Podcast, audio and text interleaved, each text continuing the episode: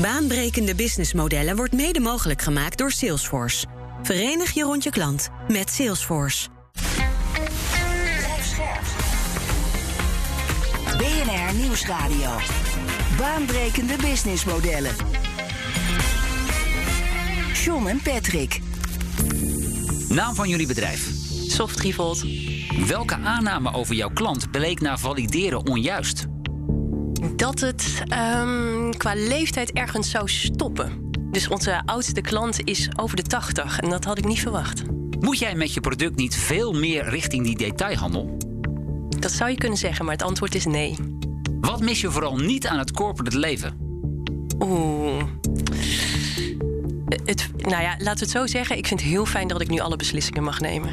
En beste Alice, welk probleem lossen jullie eigenlijk op? We dragen een BH bijna 12 uur per dag. En wij zorgen voor een alternatief waarbij je beugeloos en toch support hebt gedurende de hele dag. Over bedrijven die zichzelf opnieuw uitvinden en nieuwkomers die bestaande markten opschudden. Dit is BNR's baanbrekende businessmodellen. Met mij, John van Schagen en Patrick van der Pijl. Onze gast is Alice Roeleveld van Soft Revolt. Van harte welkom. Leuk dat je er bent. Dankjewel. Patrick, als ik zeg lingerie, dan denk jij meteen aan welk businessmodel? Ja, niet aan uh, Marlies Dekkers, maar uh, aan Victoria's Secret. Um, dat is het grootste brand zeg maar, in de US, uh, al enkele jaren. Um, maar eigenlijk zijn ze wel de partij die lingerie echt een compleet andere manier in de wereld heeft gezet. Echt een baanbrekend businessmodel in een bepaalde context. Nou, daar gaan we het zo meteen wat uitgebreider over hebben. Dan gaan we dus dat businessmodel wat, wat nadrukkelijker behandelen. Maar eerst Alice, um, jij hebt een product meegenomen. Ja. Dit is hem. Vertel even, wat zien we? En waar, is, waarom dit is, dit haar. zo bijzonder? Ja, dit is haar, ja. Klopt. Um, nou ja, dit is ons eerste product. Um, ze heet Cleo 47. We hebben 47 prototypes nodig gehad uh, om haar te creëren. En ze is dus uh, 3D gebreid uit één stuk. Hij komt uit de breimachine.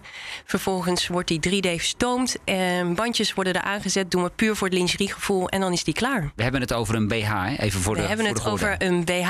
En deze BH is anders dan de reguliere BH's die we veelal Ja. zien. Wat Klopt. maakt deze zo bijzonder?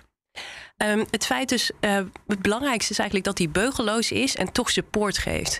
Um, als je kijkt naar uh, de huidige BH's, dan uh, zie je eigenlijk dat dat vooral een beugel-BH's is. En die zijn er al tientallen jaren en er is eigenlijk heel weinig innovatie geweest.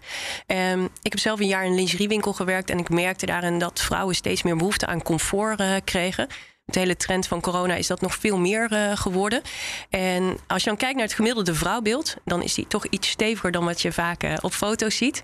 En juist deze vrouwen hebben ook behoefte aan beugeloos. En dat was er niet in de markt. En daar heb ik me op gericht. En dat zie je terug in onze BH. Dus die is beugeloos en hij geeft support.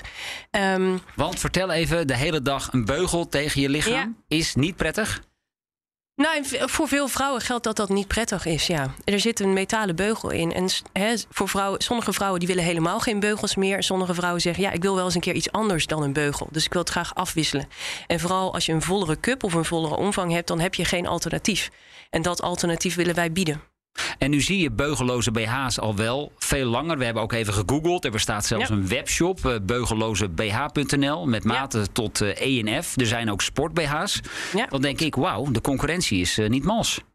Ja, ik denk dat daar wel een groot verschil in zit. Dus um, enerzijds heb je dus um, beugelloze BH's die eigenlijk heel erg, veel, eh, heel erg weinig doen. Dus waar wij ons op gefocust hebben is dat we zeggen we willen beugelloos en toch support geven. Uh, want een beugel BH geeft wel een goede support. We willen eenzelfde soort shape geven. Dus hè, de borsten daar waar je normaal ook een beugel BH hebt zitten. En daar zit meteen ook het grote verschil met een sport BH.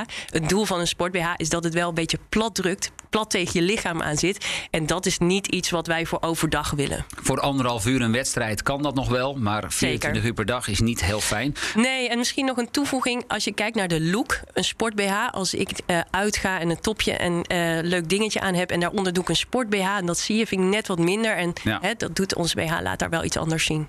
Want ik heb van jou begrepen dat een reguliere BH eigenlijk best een heel ingewikkeld kledingstuk is. Ja, het is een van de meest ingewikkelde kledingstukken om te maken. Um, als we kijken naar de kwalitatief goede BH's, uh, dan bestaan die uit tussen de 40 en 50 onderdelen. 40 tot 50. Ja, ja, ja dat uh, kan je bijna niet voorstellen, maar er zit, Nee. nou ja, het zijn heel veel onderdelen. En dan kijk je naar ons product, die komt in één keer gebreid uit de machine. Dus daar zit natuurlijk echt een hele andere technologie achter. En wat betekent het als je een kledingstuk hebt dat uit zoveel onderdelen bestaat? Want ik kan me voorstellen dat Ja. die ook niet allemaal op dezelfde plek worden gemaakt. Nee, daar zit een heel groot verschil in. En hè, daar hebben we het nog niet over gehad, maar dat is het eh, onderdeel duurzaamheid. Ehm, vaak komen al die de verschillende onderdelen komen uit verschillende werelddelen. Of in ieder geval, daar komt heel veel transport en dus ook CO2 eh, bij kijken. Ehm, onze BH wordt op één locatie wordt die gebreid. Daar komt die direct uit de machine, haakjes eraan en dan is die dus klaar. Dus ons trans- transport is van de plek waar we hem breien eigenlijk direct naar de klant. En dat is bij andere BH's waar bijvoorbeeld de stof uit Italië komt. Dan gaat die naar Sri Lanka, daar wordt die geweven. En dan Ja. komt die vervolgens weer terug naar Europa om daar te worden verkocht. Ja, soms gaat die meerdere keren op en neer tussen werelddelen. Ja. Patrick, jij luistert ondertussen aandachtig mee. Ehm, ik hoor hier wel een aantal problemen die Alice oplost. Ja, dus ik denk technisch eh, of functioneel los je een probleem op, omdat je dan ehm, uiteindelijk zeg maar eh, wel betere ondersteuning hebt, maar dat je uiteindelijk minder onderdelen hebt en dus ook eh, naden. Dus dat is één. Het andere stuk is dat je het kunt eh, produceren, waardoor het niet het hele, eh, de, de hele aardbol over hoeft eh, te gaan. En dat is in die kledingwereld natuurlijk wel eh, iets wat nog heel gebruikelijk is. Aan de andere kant zie ik ook wel een trend dat het gaat over het versimpelen van het productieproces. Dus eh, heel veel bedrijven die zijn bezig met eh, het terugdringen van eh, de SKU's, om het maar zo eh, te noemen. En dat zijn die, de units die bepalen dat je uiteindelijk tot een eindproduct komt. En dan maakt het uiteindelijk ook weer eh, goedkoper om te maken. Er is niet iets een probleem wat je oplost in de experience. Dus misschien horen we daar zo meteen eh, iets meer over. Maar ik vroeg me af, Alice, als je uiteindelijk op één centrale plek kunt, kunt printen en draaien, zie je dat je dan ook eh, kosten nog bespaart? Of eh, zit het in complexiteit van printen, apparatuur, uiteindelijk iets vergelijkbaars als wat je in de, in de markt ziet?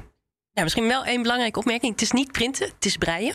Eh, dus dat is een, een ding. Ja, het is Eh, breien met 3D-technologie. Ja, ja dus, eh, Dus hoe, hoe werkt dat dan precies? ja, het zijn de meest geavanceerde breimachines die er zijn. Ehm, en daarmee komt die 3D eruit. Dus je- wij Ja. breien met een 3D-shape. Oké, helder. En dan nu die prijs?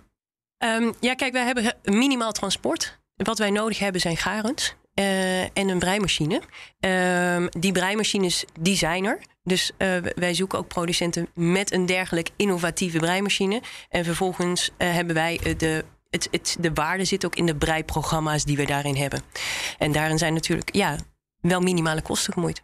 Maar kan je dit dan voor een andere prijs aanbieden of is dat niet een, eh, niet een ding? Ja, wij zijn geen prijsvechter, om het zo te zeggen. Dus ehm, wij leveren natuurlijk wel een heel duurzaam product ehm, met een hele nieuwe technologie. En wij zijn nog een start-up.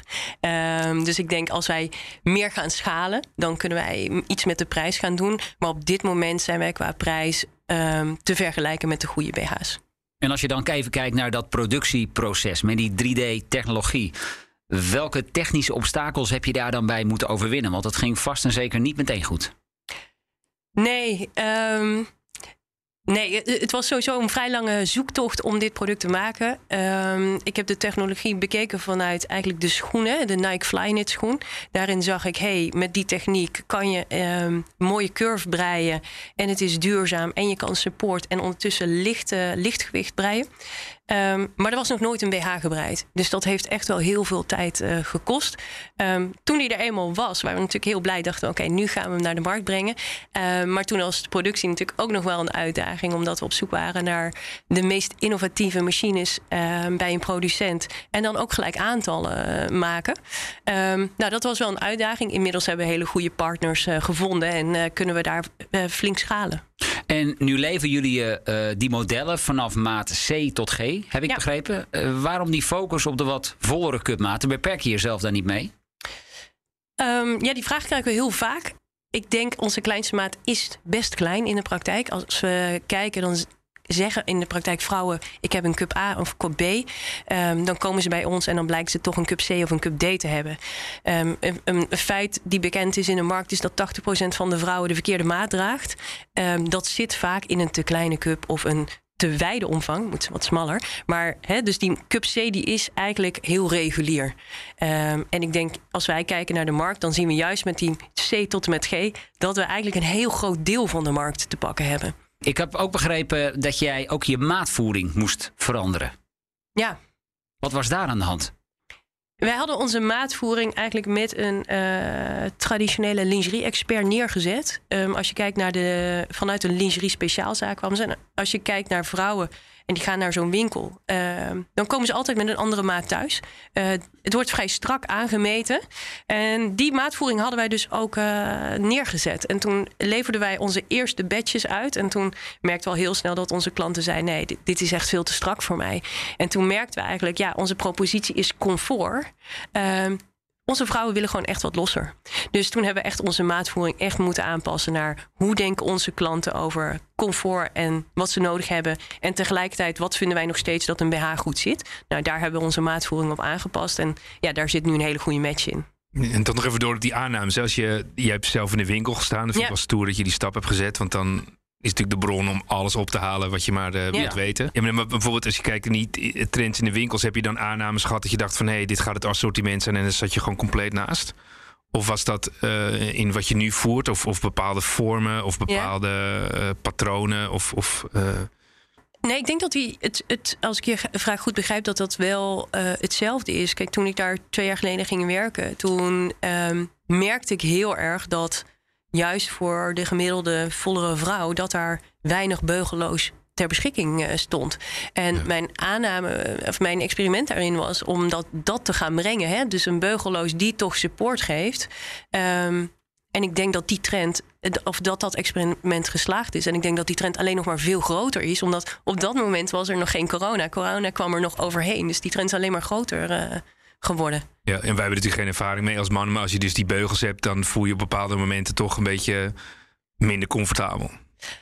Ja, je hebt daar gewoon niet altijd zin in. Misschien moet je het vergelijken met een stropdas. Die heb je strak om je, om je nek zitten. Ah. De vraag is, heb jij daar eh, elke dag eh, Ik zin in? Nu. John en ik het. Hè? Ja. Dus ook Ja. in het weekend loop jij dan graag met je stropdas om, denk ik. Nee. Nee. Wat, wat ik me dan afvraag, want je, hoe je dat dan in het begin doet. Want eh, dan heb je zo'n BH, eh, misschien wel een prototype. eh, nodig je dan allerlei vriendinnen uit om te passen. En om dan zo snel mogelijk feedback te verzamelen?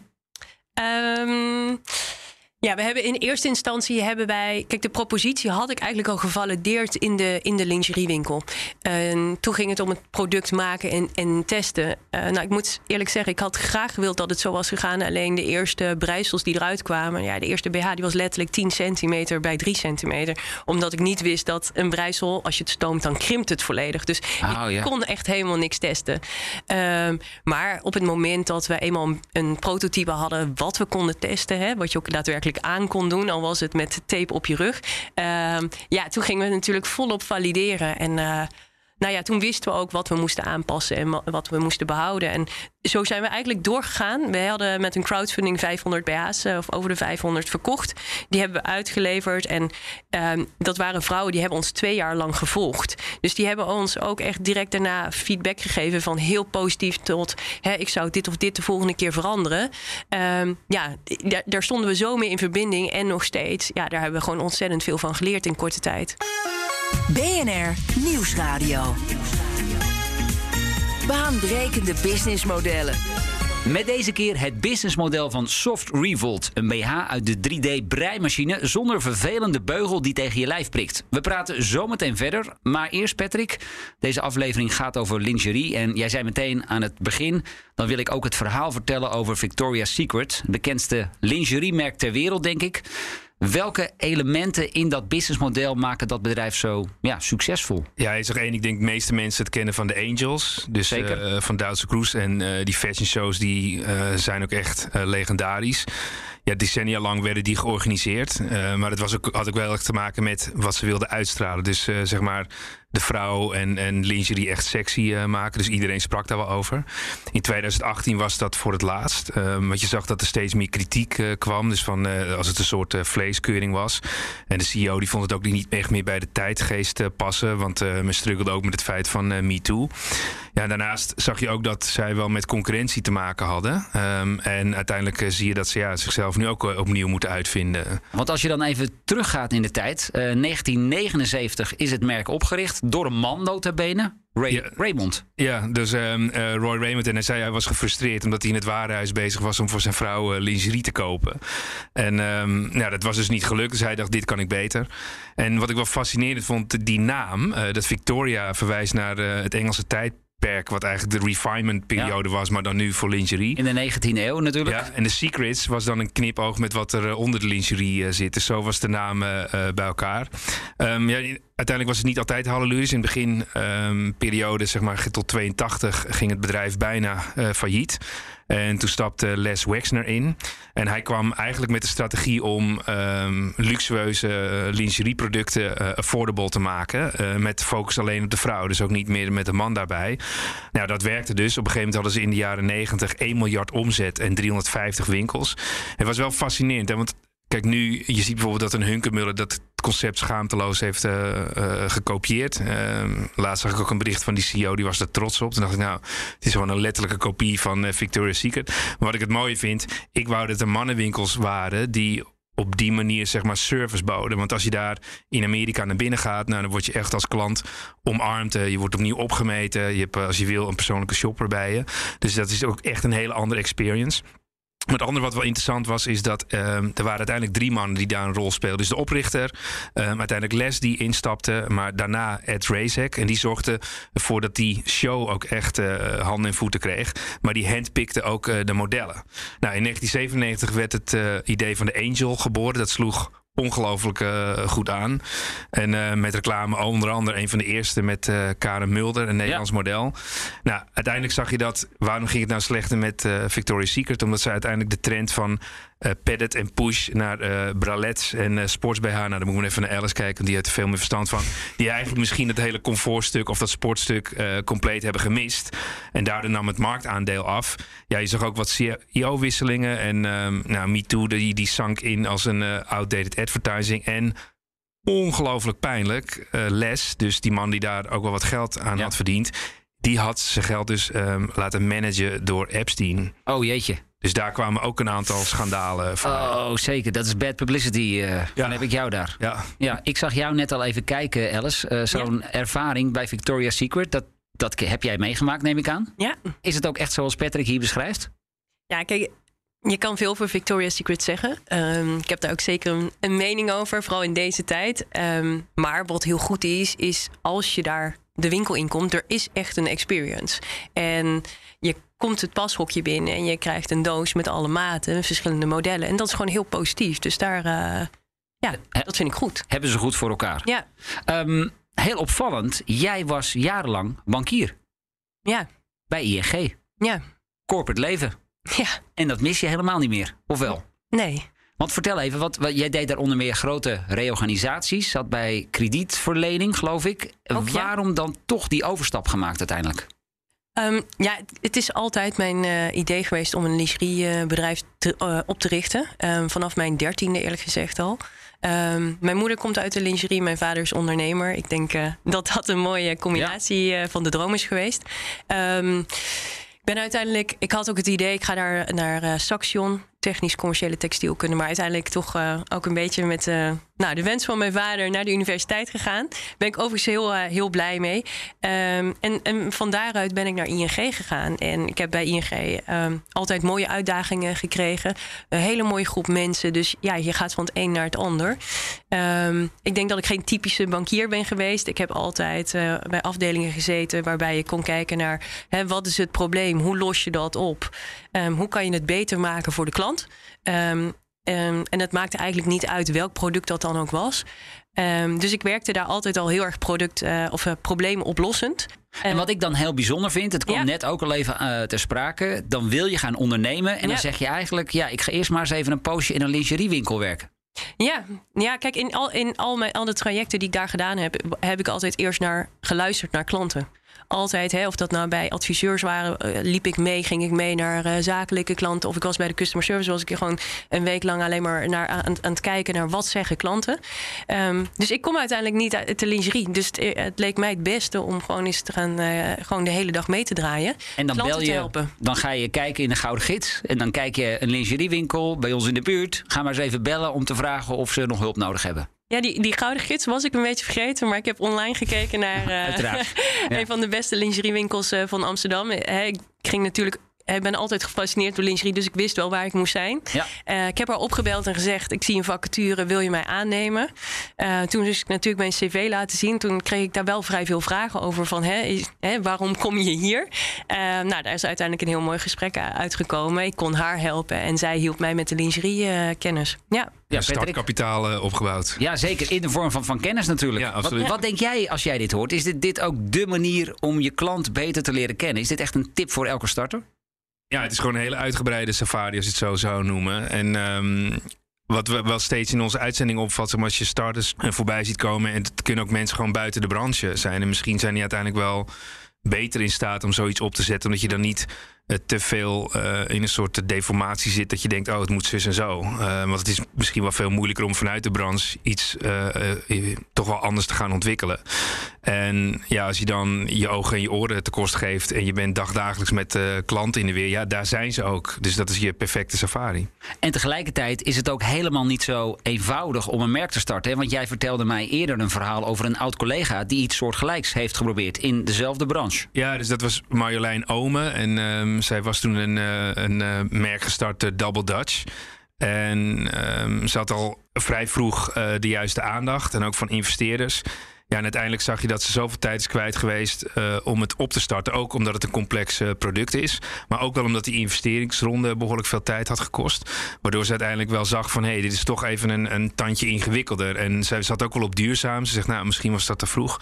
Later zei ze ook wel... eh hey, Double Dutch is ook touwtjes springen. Double Dutch dachten Nederlanders van... oh, dat is zowel een condoom als een pil in de voorbehoedsmiddelensfeer. Dus ja, ze, ze had wel een paar belangrijke nadelen. Het kwam... ehm, ze was toen in contact met Quote en die hebben daar een artikel van gemaakt over failures. En dat was uiteindelijk ja. wel heel erg tof, omdat er ook een keer aandacht is voor de verhalen die wat minder succesvol zijn.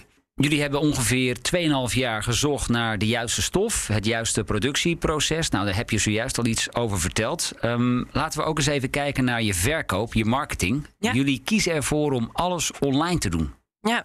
En ik vroeg je aan het begin, moet je niet als de wiede weer gaan richting die detailhandel? En het antwoord was nee. Dat klopt. Leg uit. Ja, we hebben echt een voor focus gekozen. En onze focus online. Als ik kijk naar ons product ehm, en ik vergelijk het met een traditionele BH, dan hebben wij ook een ander maatsysteem. Dus waar andere merken rond de 49, 50 maten hebben, hebben wij die teruggebracht naar 10. Hè, dus dat maakt het keuzeproces al wat makkelijker.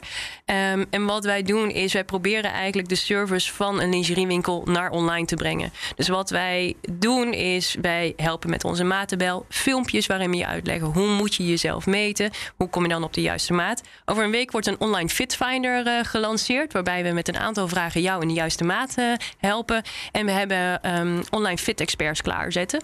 Dus jij kiest een moment waarop je graag even met iemand wil zoomen of een teamsmeeting. En dan kijken wij in 15 minuten, bepalen we met jou welke maat je moet hebben. Ehm, en vervolgens kan je hem gewoon bestellen en krijg je hem thuis. En hè, sommige vrouwen vinden het ook heel erg prettig om gewoon even in je eigen omgeving een BH te passen. Dan dat je eigenlijk over een drempel moet stappen. Een letterlijke drempel naar een winkel toe, naar een pashokje. Ehm, En je zegt een online fitfinder. Dat Ja. zijn gewoon vragen, eh, ja. Ja. nee. En dan ga je vervolgens weer Ja. naar het andere stukje. Wat, wat voor vragen stel je dan aan iemand? Ehm, nou, dat begint bijvoorbeeld bij ehm, hè, hoeveel centimeter meet je onder je borst? Dat is een hele feitelijke, feitelijke vraag. Dan vragen we ehm, welke BH-maat welke, eh, draag je regulier? Eh, draag je wel eens een andere maat? Hè? Dus veel vrouwen schommelen daartussen. Hou je ervan eh, om je BH heel strak of hou je juist heel erg van los? En op basis van die vragen kunnen wij jou met de juiste soft revolt maat helpen. Ja. Ik snap die experience ook wel, want ik was laatst in de coronatijd met mijn vrouw mee. En toen hadden ze dus in een eh, speciaalzaak bedacht tijdens corona dat er in de paskamer nog een plastic scherm met twee gaten in moest, zodat een vrouw met een handschoenen mijn vrouw dan weer kon bedienen van die BH. Dat meen je niet. Ja, ik dacht echt, waar gaat dit over? dat zou een reden zijn waardoor je denkt, ik ga het gewoon in mijn thuisomgeving eh, doen. Tegelijkertijd, als je die detailhandel dus links laat liggen, betekent wel dat je heel veel budget moet stoppen op online marketing. Ja, en, je, en je bent een En de start-up. website. Ja. En de website, ja. ja. ja, ja, kijk, Hoe normaal. los je dat op? Normaal gaat er natuurlijk een deel van je budget gaat natuurlijk naar de marge van, van een winkel. Hè? Dus eh, ook daar gaat geld naartoe. Ehm, dat geld gebruiken wij voor marketing. Maar eh, zeker, wij moeten natuurlijk wel als nieuw merk moeten wij, eh, opvallen. En onze kosten gaan dus ook naar een stukje nu voorraad aanleggen en naar marketingkosten. Ja. En tegelijkertijd, als je dan wilt opschalen, kan ik me niet anders voorstellen dan dat je of al financiering hebt opgehaald, of nu heel erg zit te hopen dat een financier luistert naar dit programma en denkt: uh, die ga ik eens even opbellen. Nou, het klopt wel dat wij uh, bezig zijn met de volgende financieringsronde. Ja, wij zijn natuurlijk nu in de fase waarin we gaan schalen. Uh, vorig jaar hadden wij één product in één kleur in zes maten. Inmiddels gaan we dit jaar gaan we naar drie modellen, uh, tien maten en minimaal vijf kleuren. Er komen broekjes bij, dus er zit natuurlijk een stuk voorraad wat we nu moeten gaan aanleggen en een stuk marketingkosten. Dus ja, dat klopt. En er lopen dus ook al daadwerkelijk gesprekken. Ja. Kijk, heb je maar een meer gesprek is altijd goed, hè? Ja, oké, dus mensen kunnen bellen. zeker, zeker. Dat, dat, is duidelijk. Patrick, ik hoor hier inderdaad de uitbreiding van het aanbod, diversificeren, ook andere producten aanbieden. Is dat inderdaad een van de manieren om dit merk nou, een flinke push te geven? Uiteindelijk um, wil je een, een, een, merk neerzetten die dan ook uh, vergelijkbaar is met anderen. Want die zet uiteindelijk zeg maar de drempel of die, uh, neer. Uh, dat betekent ook dat je website er niet als een start-up uit moet zien. Um, en dat vind ik wel tof. Als je kijkt naar de, de website, dan is dat ook niet zo. Ik denk dat uh, een ander lingerie-merk er wel wat van kan leren hoe dat werkt. Uh, zo zie je bijvoorbeeld niet de Victoria's Secrets, maar wel gewoon echt hele mooie foto's van andere modellen, maar die niet 1, 2, 3 daar terug zou zien. Um, ook met zeg maar, bewegend beeld. Ik vind het toch wel grappig, omdat je dan naar die andere grote bedrijven kijkt. Die hebben natuurlijk hun website allemaal al klaar.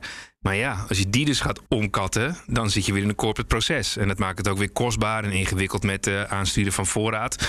Dus ja, je ziet wel dat um, als je kijkt naar bijvoorbeeld de uiting en de website van, uh, van uh, Soft Revolt. Ja, dat heeft wel echt een heel professionele uitstraling. Het zijn niet de prototype Victoria Angels. Ja, dat, dat was altijd wel mijn idee. Dus wij kiezen onze vrouwen. Overigens zijn merendeel van deze vrouwen zijn uh, geen modellen. Um, dus dat vinden we ook gewoon heel prettig. Wij kiezen echt gewoon vrouwen. Um, breed in leeftijdscategorie, uh, breed in achtergrond, uh, waar ze vandaan komen. Maar vooral vrouwen die een, mening ergens over hebben uh, en ergens voor staan. En we hopen dat, dat je dat dus ook terugziet in onze fotografie. Dus als iemand ergens een grote tatoeage op haar buik heeft, dan is dat juist, geeft dat aan, prima. Dat mag. Dat is realiteit. Ja. ja. ja. Wat heb jij behalve financiering nu nog nodig om dit veel groter te maken dan dat het nu is? Nou ja, financiering, met financiering heb je natuurlijk een heleboel. Maar er, komt natuurlijk bij kijken dat we ons team moeten gaan uitbreiden. Dus dat is denk ik wat we nodig hebben. Een stukje financiering in combinatie Goeie met mensen. mensen. Ja. En dan kijk ik toch weer even tot slot naar Patrick. We hebben nu in een half uur tijd uh, veel meer geleerd over de beugelloze BH uit de 3D-breimachine. Ja, wat is jouw gevoel? Gaat zij het halen? Kijk, een van de belangrijkste dingen is, is um, als je kijkt naar die ontwikkeling, hè, dus bijvoorbeeld uh, die uh, bralettes. Wat is het eigenlijk, bralettes? Ik zie het ook op die website staan en ik zie de pasvorm hier. Goed dat je die vraag stelt. En nu is ook Victoria's ja. Secret, die heeft die slag gemist. Wat is dat? Ja, ja ik, we hebben het dus opgezocht. Volgens mij zijn er meerdere de definities. Wij zien een bralette als een, eigenlijk een beugeloze BH. Kijk, daar heb je. En, en Punt. Ja, dus uiteindelijk um, zie je wel dat het uh, minder makkelijk gaat bij Victoria's Secret. Die hebben die afslag gemist. Um, daarna zie je dat er uh, bijzonder veel aandacht is van vrouwen. Dus je zit daar op een, uh, op een goede golf. Ja, en de vraag is: kun je dat uiteindelijk ook waarborgen dat je daar aan de bak blijft? Dus wat dan interessant is, is om voor jezelf vast te stellen: van hé, hey, ga ik het nationaal doen? Ga ik het internationaal doen? Hey, wat is het? Marktaandeel waar ik in Nederland op wil gaan zitten. En, en um, kun ik dat dan terugvertalen naar wat dat voor mij vandaag de dag betekent. Hey, hoe groot moet mijn team dan zijn? Dus dan ga je eigenlijk een beetje echt naar uh, business planning kijken. En dan probeer je voor jezelf vast te stellen van hey, ga ik die doelstellingen die ik voor mezelf zet ga ik die dan kunnen halen? Uh, waardoor ik ook weer met zekerheid kan zeggen: Nou, dan betekent dus dat ik het assortiment ga uitbreiden. Of hey, als ik dit marktaandeel ga halen of omzetaandeel, hey, dan kan ik weer een team erbij gaan zetten. Of dan heb ik weer een uh, rondje gehaald waardoor ik naar het buitenland toe ga. En dat is wel iets wat een compleet andere discipline is. Hè? Van, uh, je gaat ergens mee beginnen en dan ben je blij met alle aandacht die het krijgt. Maar je moet dan voor jezelf gaan zeggen: Oh, wat zijn echt de deadlines in de ambitie die ik heb? En sommige ondernemers zeggen: Nou, weet je wat, het blijft een papa-mama winkel. Ik uh, lever in de regio, ik vind het goed genoeg. Maar dat is dan aan Alice en het team: van hé, hey, ik zie er al niks schudden. ja. Die heeft een andere ambitie. Dus dat moet je echt zelf doen. Ja, maar die aspecten die Patrick hier inderdaad terecht noemt, daar komt jouw bankierservaring, moet ik het maar even, die komt wel goed van pas. Ja, dat is niet helemaal nieuw. Maar het is natuurlijk wel nieuw om het uh, zelf als ondernemer helemaal uh, te gaan doen. Hè. Normaal zit je dan toch wel in een soort van beschermde omgeving uh, met heel veel middelen. Um, nu is dat natuurlijk wel anders, maar ja, dit is natuurlijk wel de fase waar wij in zitten. We hebben wel een heel duidelijk plan voor waar we over vijf jaar willen staan. Wat betekent dat dan voor over één jaar en wat betekent het nu? Um, we hebben niet de ambitie om het, hoe noem je dit? Papa-mama winkel? Uh, om dat te blijven. Shop, ja. uh, nee, kijk, het is natuurlijk uh, een product waarmee wij uh, vrouwen willen helpen. En hoe meer vrouwen, hoe, meer, hoe, hoe succesvoller we zijn. Daarbij is het ook een duurzaam product. Dus daarbij kijken we ook hoe meer verkoop, hoe meer we daar impact maken. We zien dat er nu al vrij veel tractie uit het buitenland komt. Uh, dus dat is ook zeker een stap uh, die we willen gaan maken. En dan wil ik tot slot nog even weten, Cleo 47, ja. hoeveel kost ze? Uh, deze kost 79 euro. Nou kijk, schat, ik ga het nog niet. Ik hoop dat, dat ze niet meeluistert, maar ze is binnenkort jarig, dus uh, wie weet. Alice Roeleveld van Soft Revolt, uh, dankjewel voor dit gesprek. Uh, Patrick en ik zijn er in ieder geval volgende week weer. En wil je voor die tijd al meer luisteren? Check dan ook onze andere afleveringen via bnr.nl, de BNR-app of je favoriete podcastplatform. Baanbrekende businessmodellen wordt mede mogelijk gemaakt door Salesforce. Verenig je rond je klant met Salesforce.